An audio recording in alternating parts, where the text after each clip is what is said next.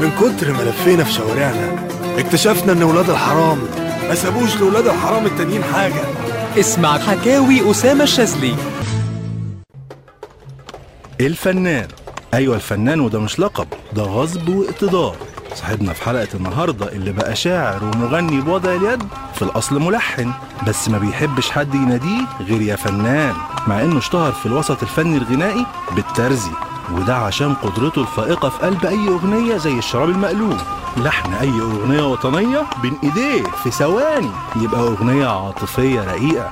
أوبريت السيد درويش بعون الله يقلبه موسيقى تصويرية لفيلم أكشن.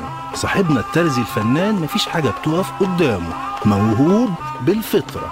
كفاية إنه رغم فشل عملية اللحمية اللي عملها خمس مرات أصر إنه يغني. منظمة الصحة العالمية اعتبرته كيان فريد لأنه أول مطرب في تاريخ البشرية بيغني من لحميته. أما اليونسكو فطالب باعتباره محمية طبيعية لكن مصر اعترضت وتم الاتفاق بعد تحكيم دولي على اعتبار مناخيره بس محمية طبيعية. الجديد في صاحبنا الشاعر والملحن والمطرب إنه قرر بعد ثورة 25 يناير يبقى كمان سياسي وايه المانع. ما السياسة فن وهو فنان. وابتدى من خلال الإنترنت يروج لفكره السياسي اللي بيعتمد على نظرية المؤامرة.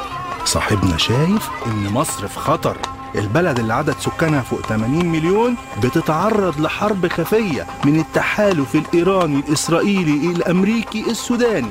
ولأنه مقاتل وسلاحه هو جيتاره فهو لازم ينقذ مصر. صاحبنا الترزي قصدي قصدي الفنان يعني مقتنع بإن المرحلة دي صعبة وهو لازم عشان يعديها يهزم الوحش في النهاية. علشان كده قرر يرشح نفسه لرئاسة الجمهورية.